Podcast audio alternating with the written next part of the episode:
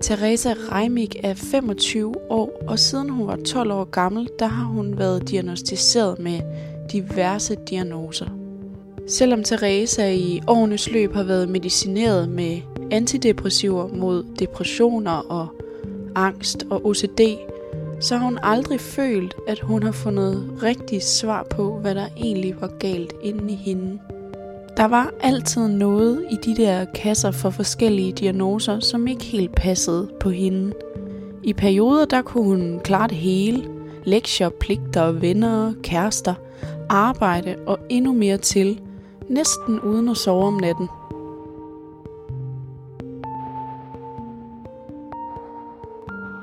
For fire måneder siden fik Teresa svar. Hun er bipolar. Men hvad vil det egentlig sige at være det? Og hvad betyder det i hverdagen i et helt almindeligt ungdomsliv? I Stigma i dag, der skal vi høre første del af Thereses historie og blive klogere på netop det. Jeg er din vært, og mit navn er Miriam Leander.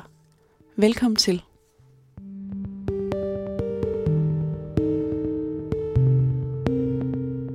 Ja, jeg er kommet på besøg hjemme hos dig, Teresa Reimik. Fordi at vi i den her episode skal tale om, at du er bipolar. Mm. Vil du starte med lige sådan at præsentere dig selv for lytterne?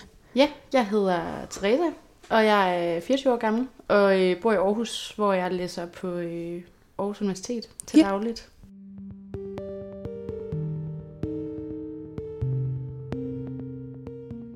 At være bipolar øh, betyder, at man har opsving og nedsving i ens humør. Øhm, bipolar er det, der engang blev kaldt maniodepressiv. Mm. Øhm, og man skældner mellem det, der hedder type 1 og type 2, hvor at man, hvis man har type 1, har man perioder, hvor man har manier, hvilket vil sige, at man har øh, store opadgående følelsesudsving øh, og har depressioner, hvor man har meget nedadgående følelsesudsving øh, og humørudsving. Og øh, type 2 er en lidt mildere grad af bipolar øh, lidelse, hvor at man har det, der hedder hypermani, hvor man stadigvæk har opsving, og man oplever stadigvæk den her opstemthed og dele af det, som man også oplever, når man er manisk, men det er i mindre grad. Øhm, ja. Hvilken en af de to er det, du øh, har fået diagnostiseret? Jeg har type 2, så jeg er hypermanisk, hvilket vil sige, at jeg stadigvæk får ret store øh, nedture, øh, kan stadigvæk være rigtig depressiv, men i mine maniske eller hypermaniske perioder er det ikke sådan, at jeg går ud og, som mange måske hører, at maniske mennesker gør, øh, går ud og bruger en masse penge, eller køber en bil til alt for mange penge, som de ikke har. Gør et eller andet helt spontant, Ja. vildt overdrevet. Præcis, hvor at når jeg er øh, hypermanisk, der øh, har jeg et kæmpestort overskud. Jeg sover ikke særlig meget, øh, går i seng mega sent, står mega tidligt op, øh, og er helt frisk, øh, kan overskue virkelig mange ting, siger ja til virkelig mange ting. Øh, Og klarer os at overkomme alle tingene, eller hvad? det gør jeg, for det meste gør jeg. Mm. Øhm, hvis jeg har en længerevarende manisk periode, så øh, får jeg gjort alle de ting, jeg skal. Så kan jeg godt have tre planer på en dag, og komme hjem og gøre rent og rydde op og, og nå det hele. Andre gange kan jeg være manisk, for eksempel når jeg står op og lave en hel masse planer for dagen, og så i løbet af dagen blive depressiv, eller på en eller anden måde ked af det, og der gør, at jeg bliver nødt til at aflyse Kan det, kan det simpelthen skifte i løbet af nogle timer? det kan det. Altså, øh, bipolar er jo kendt ved, at man enten har ja, maniske eller hypermaniske perioder, øh, og depressive perioder. Det kan både være længerevarende perioder over nogle uger. Det kan også være, øh, at jeg... Det kan også skifte fra dag til dag, at jeg vågner op mandag og er manisk, og vågner op tirsdag og er depressiv. Men jeg kan også, for eksempel, ja, som jeg sagde, vågne op og være øh, manisk, og så i løbet af nogle timer kan jeg blive depressiv. Øhm, og det er sådan nogle blandingsperioder, der også er ret øh, normale når, at have, når man øh, er bipolar. Øhm, hvor man ligesom kan opleve de her konstante udsving, som ja, kan skifte hele tiden. Hvor tit har du sådan blandingsperioder? Det svinger virkelig meget. Øhm, ofte har jeg blandingsperioder imellem de to øh, perioder. Hvis jeg for eksempel har været depressiv i en periode, så kan jeg godt have en blandingsperiode, hvor at jeg lige skifter mellem de to stadier. Men, øhm, og hvor jeg egentlig også kan have nogle dage, hvor jeg føler, at jeg sådan har et rimelig stabilt stemningsleje. Øhm, men, Så det er sådan en slags overgangsfase, eller hvad? Ja, det, det tror jeg. Og jeg, jeg tror, det er forskelligt fra person til person, øhm, der er bipolar. Øh, altså hvilken, i hvilken grad det er, mm. hvornår man øh, bliver depressiv, og hvornår man bliver hypermanisk eller manisk. Men, øh, men for mig er det i hvert fald meget sådan i overgangen mellem mm. de to. Øhm, at jeg bliver gladere og gladere og får mere og mere overskud. Øhm. Når du så er hypermanisk mm. i en mm. periode, hvordan føles det så? Udover at du siger, at du ikke øh, sover så meget om natten, mm. og du mm. når en masse ting. Men øh, det lyder næsten som en lidt overskudsagtig rar følelse.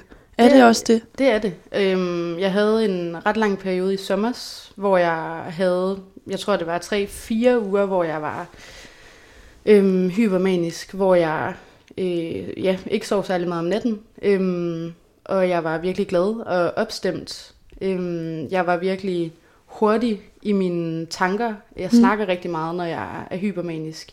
Og mine tanker øh, kan virkelig ligesom, altså popcorn, altså som når mm. popcorn popper, at der kommer alle mulige nye indtryk op i mit hoved hele tiden.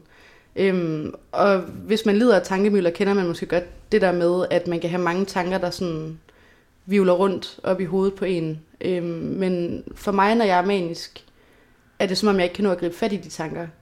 Så kan jeg nå at tænke, øh, åh, der er en bænk der, og når jeg skal også lige huske det her. Altså sådan, der er mm.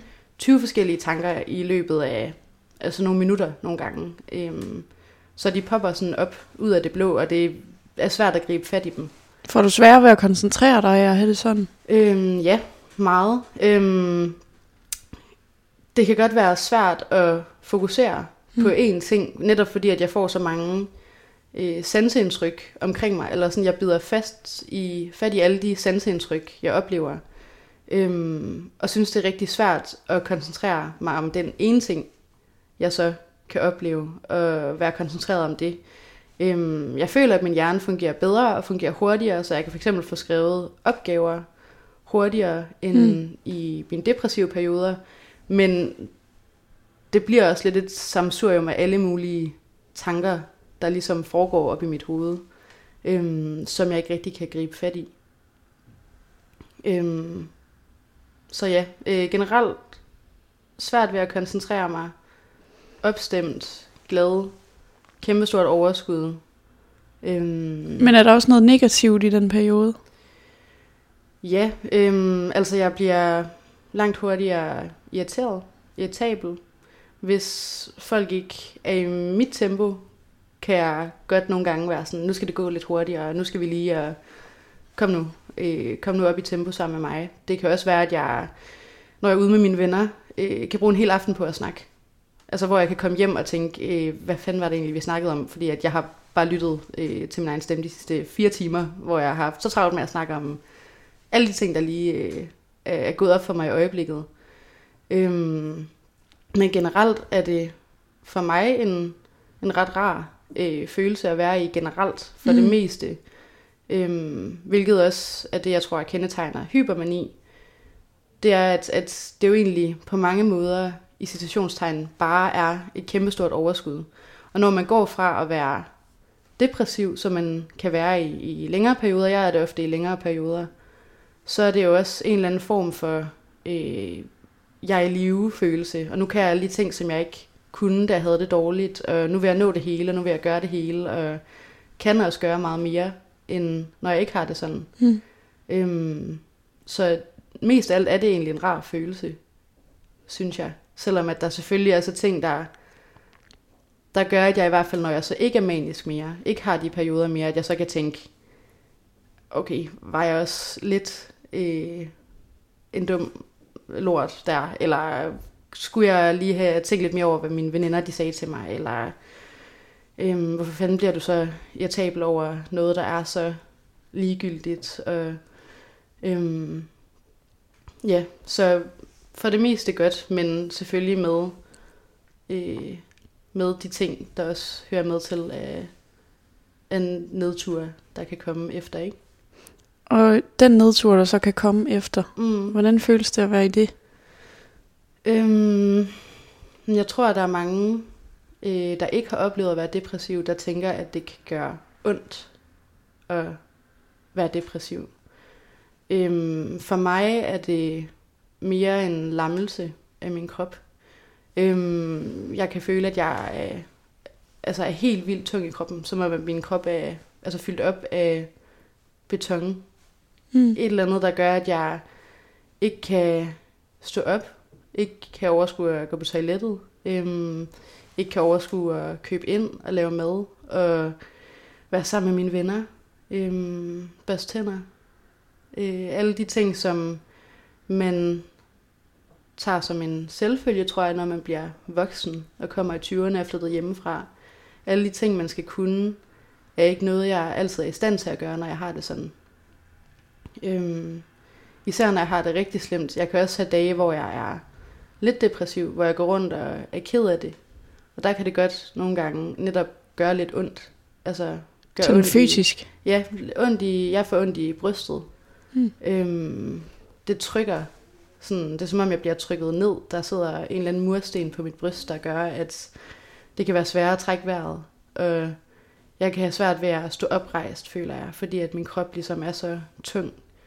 Øhm, men når jeg er helt nede, som jeg heldigvis kun har været øh, to-tre gange, er jeg helt passiv øh, og ved ikke, hvad jeg skal sige.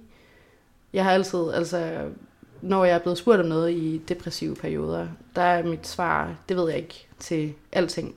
For jeg kan ikke øhm, svare på noget, jeg kan ikke tage stilling til noget. Jeg kan ikke, øh, altså jeg kan ikke engang overskue at åbne min computer og se en Netflix-serie, når jeg vågner op og har det virkelig, virkelig dårligt. Hvad, hvad sker der så sådan en dag? Hvad laver du sådan en dag? Øhm, jeg bruger rigtig lang tid på at ligge i min seng og kigge op i loftet. Ja. Øhm, og så plejer min mor lige at ringe til mig, især hvis jeg ikke lige har skrevet godmorgen, eller ikke lige har været i kontakt med hende. Kan hun godt finde på at lige at ringe og, og høre, hvordan jeg har det. Øhm, og kan jo også ofte godt høre det på min stemme, hvordan jeg har det. Det er jo også en ting, som øhm, som jeg fandt ud af, at ens stemmeleje jo også ændrer sig, alt efter hvordan, altså om man har en manisk periode eller en depressiv periode. Øhm, og når jeg er depressiv eller et mere sådan stabilt sindsleje, er min stemme markant dybere, end når jeg er manisk for eksempel. Øhm, men jeg, jeg ligger i min seng, og min mor kan finde på at ringe til mig, spørge om hun skal komme forbi med noget. Hun bor heldigvis ikke mere end 200 meter væk fra mig. Øhm, og ellers så er det mig, der prøver at overskue dagen.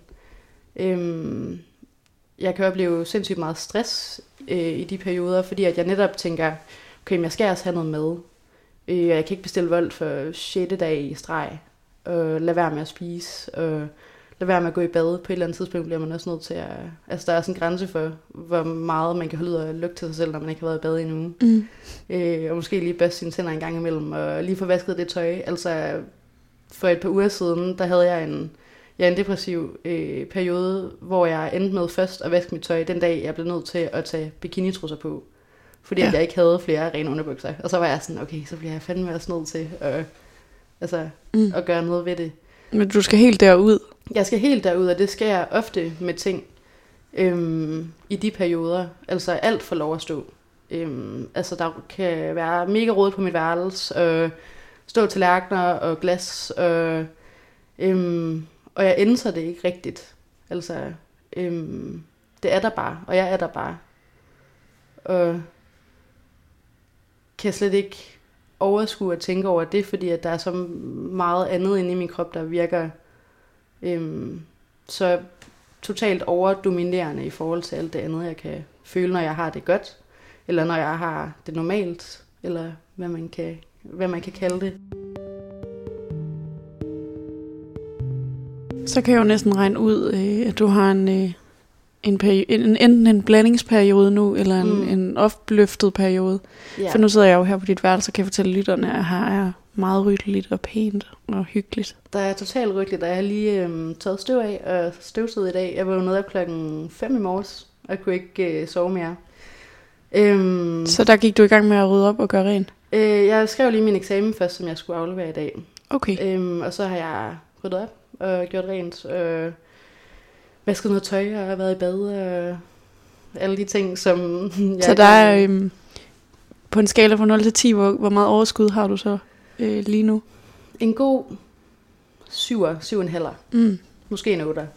Okay. Jeg er i, altså sådan i relativt godt humør i dag, Ja. hvilket er virkelig dejligt. Jo. Øhm, for mig er det også ofte noget, der kommer med vejret. Mm-hmm. Øhm, jeg har langt større tendens til at få hypermaniske perioder i foråret og i sommerperioden. Ja. Og i depressive perioder i efteråret og i, ja, altså i vinterhalvåret. Når det er mørkt, Lige simpelthen. præcis. Mm. Mm. Det er jo også, det er der jo også mange, der kæmper med sådan noget som vinterdepression, ikke? Og det er mørkt og øh, gråt og lidt sørgeligt udenfor, ikke? Og, Mm. og det er jo i hvert fald noget, der for mig fremprovokerer de negative følelser, og de ked af følelser, som jeg kan have. Hvor at, i dag så skinner solen, og jeg stod op, og der blev lyst tidligt i morges, så, så tænkte jeg, at nu var det lige i dag, at jeg skulle nå alle de ting, jeg ikke lige har nået den sidste uge. Hvornår opdager I første gang, nu tager jeg også din mor med i det, mm. Fordi øh, du har jo ikke været så gammel, men hvornår første gang er I, det går for jer, at, at du har det på en anden måde end, end andre børn? Jeg tror egentlig altid, at min mor har vidst, at jeg har været lidt anderledes end andre børn.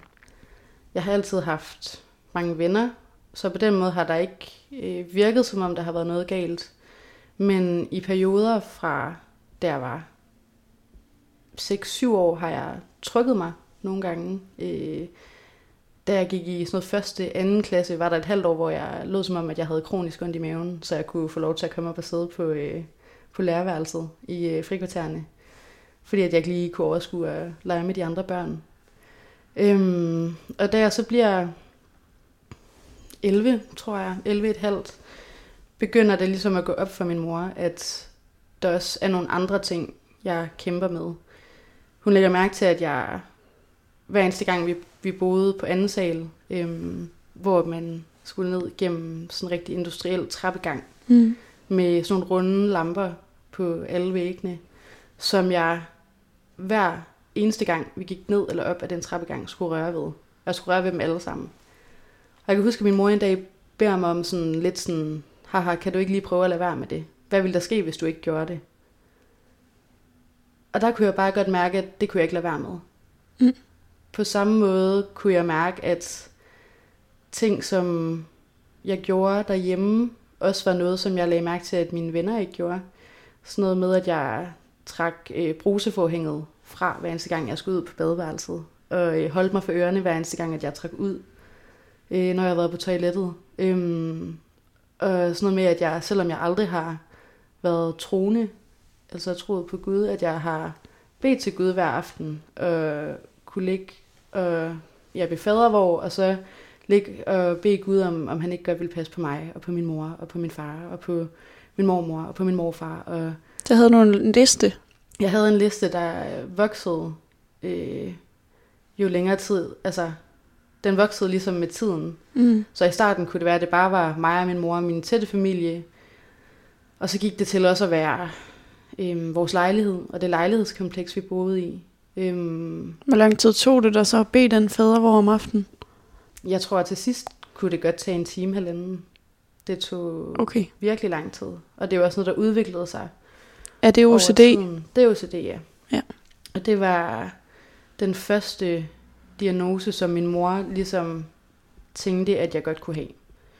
Så da jeg er, ja, der omkring de 11 år, der øh, vælger hun at skrive mig op til OCD-klinikken Mm. ude, i, øh, ude på Syg, der dengang lå ude i Rigskov. Øhm, men på det tidspunkt var der, jeg tror det var 6-8 måneders ventetid på at komme derud. Så det var lang tid, at man skulle gå og vente på at få et svar på, om det var det, og om hvad man kunne gøre. Og jeg tror, at min mor følte sig rigtig magtesløs, og det gjorde jeg jo i virkeligheden også. Det der med, at jeg jo egentlig gerne ville lade være med at gøre det. Og det er jo også sådan en børnelogik, Sådan en, jeg vil gerne lade være, men det kan jeg ikke, og jeg ved ikke, hvorfor jeg ikke kan. Øhm, og da jeg så bliver 12, der øh, er der en aften, hvor min mormor hun skal passe mig. Fordi min mor hun skal enten arbejde eller ud med sine venner. Øhm, og jeg har altid haft et virkelig godt forhold til min mormor, og jeg har altid snakket rigtig meget med hende. Um, altså også som rigtig svære emner. Um, og så kan jeg huske, at jeg snakker med hende om min far. Ikke om, om noget specifikt, men et eller andet, der gør mig ked af det. Um, og gør mig så ked af det, at jeg græder og bliver ved med at græde. Og græder resten af aftenen. Um, jeg græder til at falder i søvn. Og så øh, kan jeg huske, at jeg vågner relativt sent næste morgen. Det var en skoledag, men jeg vågnede ret sent. Ved at min mor hun sidder øh, på min sengekant og siger, at, at jeg skal ikke i skole i dag. Og at jeg behøver heller ikke at komme i skole resten af ugen. Øhm, og det er så fordi, at min mormor, efter min mor er kommet hjem, og efter jeg er kommet i seng, har sagt, at hun bliver nødt til at tage det her seriøst. Hvilket hun også gjorde. Men øh, hun sagde, at, at det her var ikke bare et barn, der var ked af det. Der var noget andet, som der også var på spil. Noget dybere liggende. Øhm, og fra den dag, det var, det var der filmen knækkede for mig. Og fra den morgen, hvor jeg vågnede op, øh, lå jeg i min seng i et år. Hvor jeg ikke var øh, i skole. Jeg var i skole en gang for at fortælle pigerne i min klasse, hvorfor jeg ikke var i skole. Øhm, men, øh, men ellers var der et helt år, hvor jeg lå hjemme i min seng og så Disney-film og kiggede i luften og, øhm, og ikke rigtig lavede noget. Og begyndte din tilknytning til psykiatrien så der? Øhm, ja, ikke til psykiatrien direkte, men min mor fik mig ind i et øh, sådan gratis ungdomsprogram. Øhm, jeg kan ikke huske, hvad det hedder, men noget, et program for unge med OCD og angst, tror jeg. Så jeg kom ud øhm, allerede lidt, altså nogle dage efter, at, øhm, at jeg ligesom havde haft øh, det sammenbrud, kommer jeg ud til en kvindelig psykolog med min mor. Og øh, jeg sidder bare og kigger ned i gulvet, og min mor forklarer, hvad der er sket. Og hvad jeg har kæmpet med. Øh, de her symptomer på OCD er det, vi snakker mest om, men også øh, angst, som hun også kan mærke, at jeg kæmper med det her med, at jeg er så rigtig bange. Øhm, og så bliver jeg bedt om at udfylde nogle spørgeskemaer, og det er altså, jeg husker det som værende flere hundrede sider, altså mm. sådan en kæmpe bunke af papirer, som jeg skulle svare på sammen med min mor. Øhm, og ud fra det, så får jeg så at vide, at jeg har OCD, og at jeg har angst, og at jeg har det, der hedder en svær depression. Øhm, og så begynder jeg i et forløb derude, hvor jeg er derude en gang om ugen. Og øhm, efter noget tid kommer jeg så også ud på syg til nogle samtaler. Men det er egentlig ikke det, jeg husker, som der jeg har været mest. I hvert fald ikke i den periode. Det har jeg været efterfølgende. Men øh, sådan helt i starten har det primært været øh, det her program, jeg har været en del af. Hvordan kommer du lige så stille tilbage i folkeskolen og tilbage til en hverdag?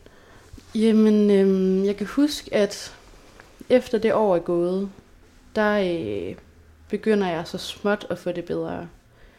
Øh, jeg er stadigvæk ked af det, men jeg kan godt stå op, og jeg kan godt overskue at være i skole i nogle timer, så jeg begynder ret gradvist at komme i skole. Øhm, og det kan være altså en time eller to hver dag. Og så bliver det ligesom bygget op på den måde. Øhm, og så kan jeg huske, jeg tror det var i 8. klasse, der fik jeg min første kæreste. Og der kan jeg huske, at der blev jeg mega glad. Og var øh, lige pludselig altså på et helt andet niveau. Øh, sådan sindsstemningsmæssigt. Og jeg kan huske, at jeg var op ved hendes psykolog, som jeg havde gået ved, siden at jeg øh, blev diagnostiseret. Hvor jeg var sådan, nu, nu måtte hun godt slippe mig. Nu troede jeg, at øh, nu havde jeg det så godt igen, at, øh, at øh, nu troede jeg, at nu var jeg færdig. Mm. Og nu, øh, nu havde hun ligesom hjulpet mig alt det, hun kunne. Og så var jeg blevet i citationstegn rask igen. Var det første gang, du var forelsket? Ja. Sådan det var rigtigt? Det. Sådan rigtig forelsket. Mm. Og det var sådan noget, vi... Øh, altså, okay, altså... Og det er sådan, sådan en rigtig børneforelskelse. Altså, vi var kærester en måned, eller sådan noget. Ja, okay. Og vi slog op, fordi at jeg skrev skat med en anden en. Og, altså, du Okay, ved, altså ja, sådan- det var 8. klasse. Ja, det var jo den klasse. Men jeg tror, at det var... På en eller anden måde var det det, der trak mig ud af, at jeg havde haft det så dårligt. Og jeg var jo på vej ud i den rigtige verden igen, og var begyndt i skole igen, og begyndte at hænge ud med mine venner igen og sådan noget. Men jeg tror, det var det, der lige gjorde, at jeg så kom op til hendes psykolog og sagde, nu, nu er jeg bare glad, og nu må du godt slippe mig. Hmm. Øhm, og så kørte det jo egentlig okay derfra. Øhm, jeg havde nogle opture, nogle nedture øh, igennem ja, både 8. og 9. klasse og på efterskolen. Jeg var jo på antidepressiver i alle de år. Det har jeg været siden jeg var 12, og det var jeg også i de år. Øhm, Så helt rask var du ikke? Helt rask var jeg ikke. Jeg var prøvet at stoppe på dem øh, der i 8. klasse, øh, hvilket man heller ikke bare må. Var det en øh, beslutning, du selv tog? Det var en beslutning, jeg selv tog. Og så var min mor sådan, okay, men så gør du det. Og der var ikke rigtig nogen af os, der vidste særlig meget om det. Og heller ikke fået at vide, fordi at så var jeg jo ligesom blevet sluppet øh, ude i det program, jeg egentlig øh, var gået i. Så, så stoppede jeg bare, og så fik jeg det dårligt igen, og så startede jeg på dem igen. Øhm, ja, øh, altså et par måneder efter, at jeg var stoppet. Mm. Øhm, og så blev jeg ved med at have nedture en gang imellem. Og sådan var det både, altså ja, slut folkeskole, og da jeg gik på efterskole. Øhm, og egentlig også, mens jeg gik på gymnasiet, kunne jeg godt have, have perioder, hvor jeg var virkelig ked af det. Og der tror jeg, at øh, min mor kaldte det efterskil i mangel på altså bedre, og det tænkte jeg jo også, det var i en form for efterskil, fordi at man jo også, man stopper jo heller ikke bare med at være depressiv fra den ene dag til den anden. Så bliver man lidt glad, og så får man et dyk igen, og bliver lidt gladere i lidt længere tid, så får man et mindre dyk måske. Mm. Og der tænkte vi begge to, det var det, der, øh, der fyldte, at det var efterskil efter det.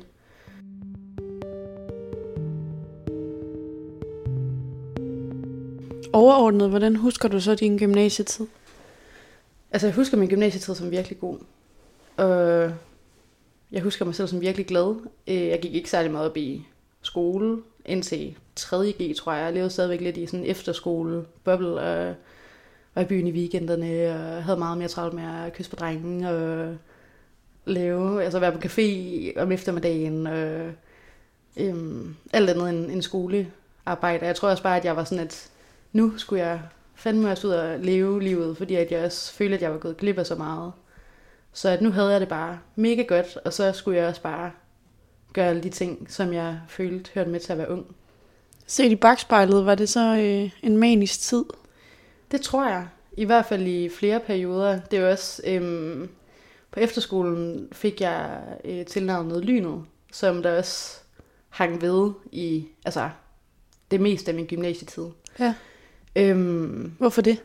fordi at jeg havde været sammen med øh, et par stykker på min efterskole, og var også øh, den pige i min klasse, der klart havde været sammen med flest fyre. Øhm, og øh, ja, det skete ret hyppigt, at jeg trak en med hjem, eller at jeg lige kyssede med nogen.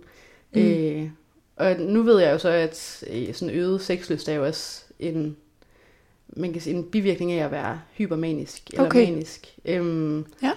At ja, man har øget sexlyst i de perioder, hvor man øh, har hypermani, og så har man nedsat sexlyst i de perioder, hvor man er depressiv. Øhm, så det har sikkert også været det, der har fyldt, men jeg var bare sådan, jeg er ung, og jeg skal bare være dum, og jeg skal bare kysse med, hvem jeg vil, og jeg kunne godt slå op med min kæreste om morgenen, og tage en anden med hjem om aftenen, og jeg tænkte ikke sådan forfærdeligt meget over, over det. Øhm, så jeg havde det virkelig godt på gymnasiet generelt. Øh, husker det som en virkelig god år, hvor jeg også bare ja, gjorde lige det, jeg havde lyst til.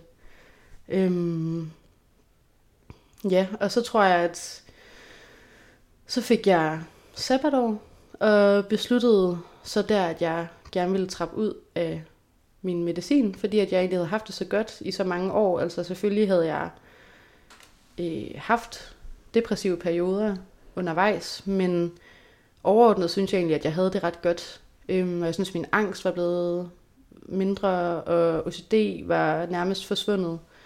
Øhm, så jeg tænker, at det var en ret naturlig udvikling, at jeg skulle stoppe på antidepressiver. Og så de havde været på det i så mange år. Altså havde jeg været på det i otte år eller sådan noget. Ikke? Mm. Øhm, så jeg tænkte, at nu var det tid til at stoppe. Så det gjorde jeg. Øhm, og var jo så af dem fra ja, 2017, da jeg gik ud af gymnasiet, og så ind til for et års tid siden. Så jeg havde lige nogle år, hvor jeg ikke var på det. Øhm, Gjorde det en forskel? Ja, det gjorde det. I starten gjorde det ikke en, en kæmpe forskel. Jeg trappede også virkelig langsomt ud. Men i slutningen af mit sabbatår kunne jeg godt fornemme, at jeg var på vej ind i en øh, depressiv periode. Altså en dybere depressiv periode. Øhm, endte os med at blive sendt til psykiater, for ligesom at få sådan en mini-udredning, for at se, om jeg kunne få lov til at starte på antidepressiver. Og hun sagde, at jeg havde det, der svarede til en middel eller en svær depression. Så at hun syntes, at jeg skulle starte på antidepressiver igen. Men så blev det sommerferie, og jeg tog på interrail med mine veninder, og kom hjem og havde det meget bedre, følte jeg, og skulle til at starte på universitetet, og var bare mega glad. Og så var det som om, at så glemte jeg lidt, at jeg skulle starte på det. Og, øh, og så, så i alle de her år, fra du var 11 til Mm. du øh, skulle til at starte på universitetet, Mm, der har du været af og på antidepressiver og Mm. fået diagnostiseret OCD, mm, angst, mm. depression, Ja. men faktisk ikke nået frem til den rigtige diagnose endnu overhovedet. Nej. Nej, det er jo i virkeligheden af især øh, sådan depressioner i den præpubertære alder af et ret øh, sådan normal karakteristika for øh, folk, der senere bliver diagnostiseret med bipolar lidelse. På samme måde så er der også ofte øh, ja, sådan nogle altså, følge psykiske lidelser, som for eksempel øh, ADHD, eller ADD, eller angst, eller OCD. Øhm, så det giver god nok mening, at jeg havde dem måske i virkeligheden som et symptom på, at der lå noget dybere liggende. Jeg tror bare, at jeg i alle de år blev ved med at blive sat i den samme kasse. Også fordi, at jeg tog jo kun til lægen, når jeg var ked af det. Øhm, Og hvad var det for en kasse, du røg i hver gang? Jeg røg i angstkassen, og i depressionskassen, og i OCD-kassen. Øhm, og det var som om, at hver eneste gang, jeg kom og var ked af det, og havde fået en ny depression, så, øhm, så synes jeg, jeg skulle enten starte på antidepressiver, hvis jeg ikke allerede var på det, eller at jeg skulle starte psykolog. Øhm, så det var hele tiden de diagnoser, de sådan florerede omkring. Øhm, og jeg tror, at i mange år har jeg også selv tænkt, at jamen, så var det jo nok bare det. Men har også tænkt, at det kan det heller ikke passe, at det bliver ved med at fylde så meget. For jeg kender jo også andre, der har haft depressioner, og bagefter har fået det godt. Øh, og ikke har fået flere depressioner bagefter. Øhm, og folk, der lever med angst, og folk, der lever med OCD. Øhm, og så stod jeg der som på det tidspunkt 20-årig, og havde haft tre svære depressioner, og en masse dyk i mellemtiden, øh, mellem hver depression.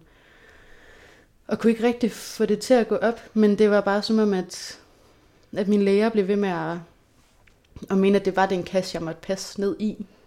Og det var det, der måtte være galt. Der var antidepressiver ligesom svaret på det, fordi at det er jo både, øh, i hvert fald det, der hedder cetralin, som det var, øh, det var det, jeg var på. Øhm, det hjælper mod både depression, og OCD og angst. Øhm, og deres svar hver eneste gang, at jeg havde det dårligt, det var, at jeg skulle gå op i dosis. Hvordan føles det at, at have taget det medicin? Altså, hvordan virker medicinen? Øhm, jamen, medicinen virker jo på den måde, at det skal stabilisere mit stemningsleje. Men på den måde, at jeg for øh, mindre udsving, altså nedadgående udsving.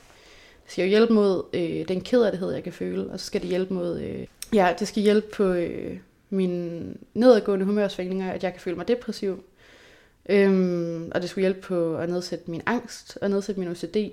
Øhm, det jeg så ikke vidste på det tidspunkt, det er, at antidepressiver øh, er kendt for os at fremtvinge hypermaniske perioder, hvilket ikke er noget, jeg kan huske, hvorvidt det har haft en indvirkning på det, da jeg var yngre. Det oplevede jeg først ja, senere i mit liv. Øhm, men øh, det var ligesom det, det skulle hjælpe på. Øh, og har også været derfor, at de så mente, at jeg skulle gå op i dosis, hvis jeg fik det dårligere, hvis jeg ikke følte, at det hjalp at være på det medicin. Øhm, så jeg har faktisk været på det helt indtil nu. Øh, er stadigvæk på det også. I gang med at trappe ud af det, men øh, ja, har jo været på det fra da jeg var 12 og indtil nu. Sådan lidt over off, ikke?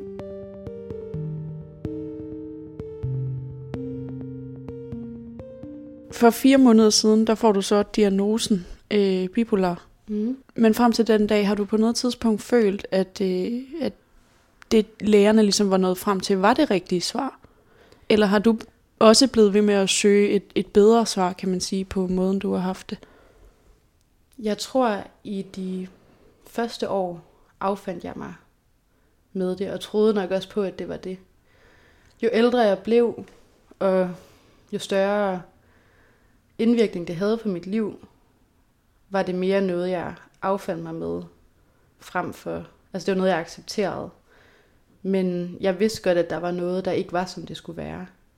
Det har jeg vidst de sidste par år, at der er et eller andet, der ikke spiller. Der er et eller andet, der virker off, og der er et eller andet, der virker som om, at, at jeg ikke har fået den afklaring endnu. Fordi det har aldrig virket som en afklaring. Det har aldrig virket som... Det har aldrig virket som om, at, at okay, nu har jeg den diagnose. Nu ved jeg, hvorfor jeg er sådan her. Det har til dels skulle svare på det. Det har været sådan, okay, hvorfor får jeg det nogle gange sådan her? Men det har aldrig været sådan, okay, jeg er den person, jeg er, til dels på grund af det her. Og der tror jeg, at det, at det også var derfor, at, at jeg valgte, at jeg ville ud i psykiatrien igen. Fordi at jeg blev nødt til at finde svar på, hvad det egentlig var, der var galt inde i mig.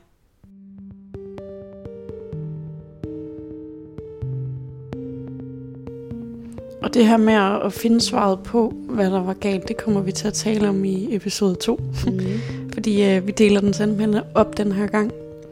Øh, Therese, tak fordi øh, du ville tale med mig i første del af din historie. Tak fordi jeg måtte komme.